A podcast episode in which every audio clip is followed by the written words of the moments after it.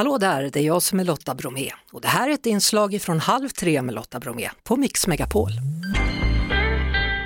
Och imorgon så är det premiär i SHL, så därför Sveriges främsta kommentator på plats. Välkommen Lasse Granqvist. Vilken presentation, jag är glad varje gång. Den Tack så du. mycket, tack för att jag får komma, tack.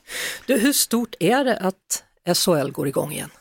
Ja, storheten är, eh, vet jag inte, men för mig känns det så här som att eh, hur skulle vi egentligen hantera vinter, alltså hösten, november, november, det, alltså januari är inte så hett heller om man säger så, december tänder vi lampor och alltihopa detta.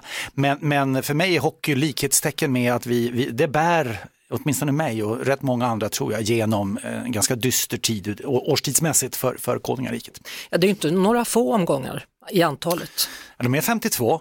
Eh, men jag, jag, och, och, och, det gäller först när slutspelet börjar och det ändå är, men, men jag känner så här att kom ihåg att det är två lag som ska ur också. Alltså det är två stycken de sämsta i ligan, lag 13 och 14, de möts ju i en nedflyttningsserie va? där förlorande lag åker ner i, i en division till Hockeyallsvenskan och eh, då ska man nog tänka på att under hela säsongen ackumulerar ju dina poäng som du tar. Så omgång ett poäng är precis lika mycket värt som den som är sista före slutspelet. Så att jag vill av den anledningen säga att eh, häng med från början. Kan Färjestad försvara sitt guld? En bra fråga. Eh, det var väl eh, senaste Skellefteå AIK gjorde det 2013 och 2014 va? Sen får du backa till början av 00-talet, Djurgårdens IF, 90-talet där också Djurgårdens IF, de tog två raka, 97-98 vann Färjestad, så att det händer ju, men det är mindre vanligt. Eh, jag är oerhört nyfiken på vad Thomas Mittell kan göra, alltså coachen som ju var i Chicago Blackhawks organisation, tog in av Färjestad när det närmade sig slutspelet förra och då tror jag han hade jättebra lag i, som, som liksom, han kunde gå in och vara rätt hård där och säga ni har kapacitet och för, ni måste göra det och det och det för att lyckas och köra. Nu har han laget genom hela försäsongen också så det kan göra att vi ser eh, spännande frågor att besvara kring Färjestad. Mm. Vad har vi för utmanare då? Hur många som helst. Och du kommer säkert fråga vem tror du vinner då?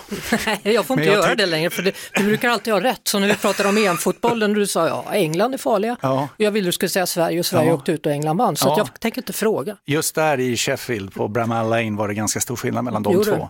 Faktiskt. du? Men, men alltså det finns, eh, ta finallagen från i fjol, Färjestad-Luleå, match sju. Tänk att de spelar en hel finalserie, avgörs i sjunde matchen.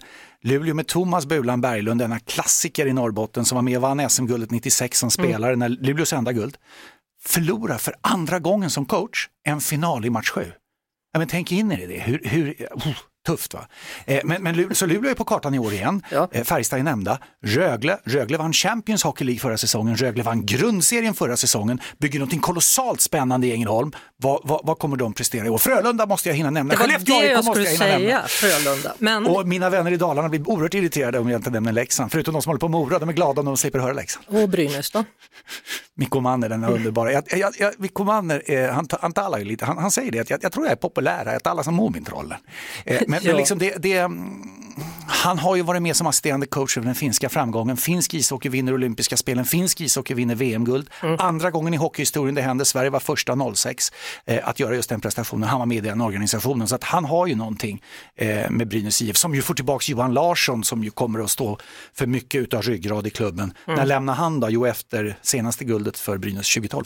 14 lag, inget Stockholmslag. Har detta Nej. hänt någonsin? Nej, det har det nog inte gjort va? Eh, och det blir ju därmed då första gången det hockeyallsvenska derbyn i Stockholm mellan, mellan AIK och Djurgården, Avicii Arena, eh, Globen. Men där har du ju också Södertälje Sportklubb, där har du ju också Björklöven, eh, där har du ju Modo, där har du, jag kan sitta, alltså det, är, det är ju klassiska hockeyföreningar. Alltså, vi pratar, eh, den generationen vi tillhör, när vi växte upp så var ju det där elitserien som det hette på den tiden. Så hockeyallsvenskan kommer ju att ha ett, ett eh, frontat intresse för, för och, och, och, och, innehåll i den säsongen som kommer. Jag tror inte publikt, att jag, jag tittar på Djurgården, det var ett enormt lag. Huh. Jag, jag tror att det kan bli, det kan bli lite stämning på, på hockeyallsvenska matcherna också. Eh, Hockeyn kan man alltså se då antingen på plats eller så kan man kolla in fyran eller Simor där du kommer befinna dig då.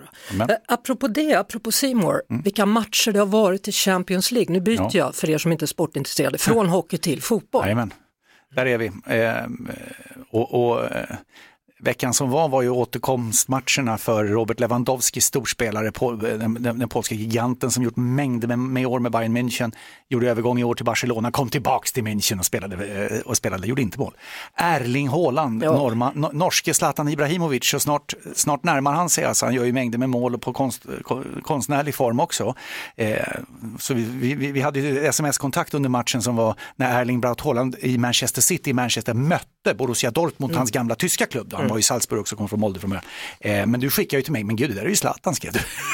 och det är på den nivån han spelar ja, och det är ju, det är ju wow.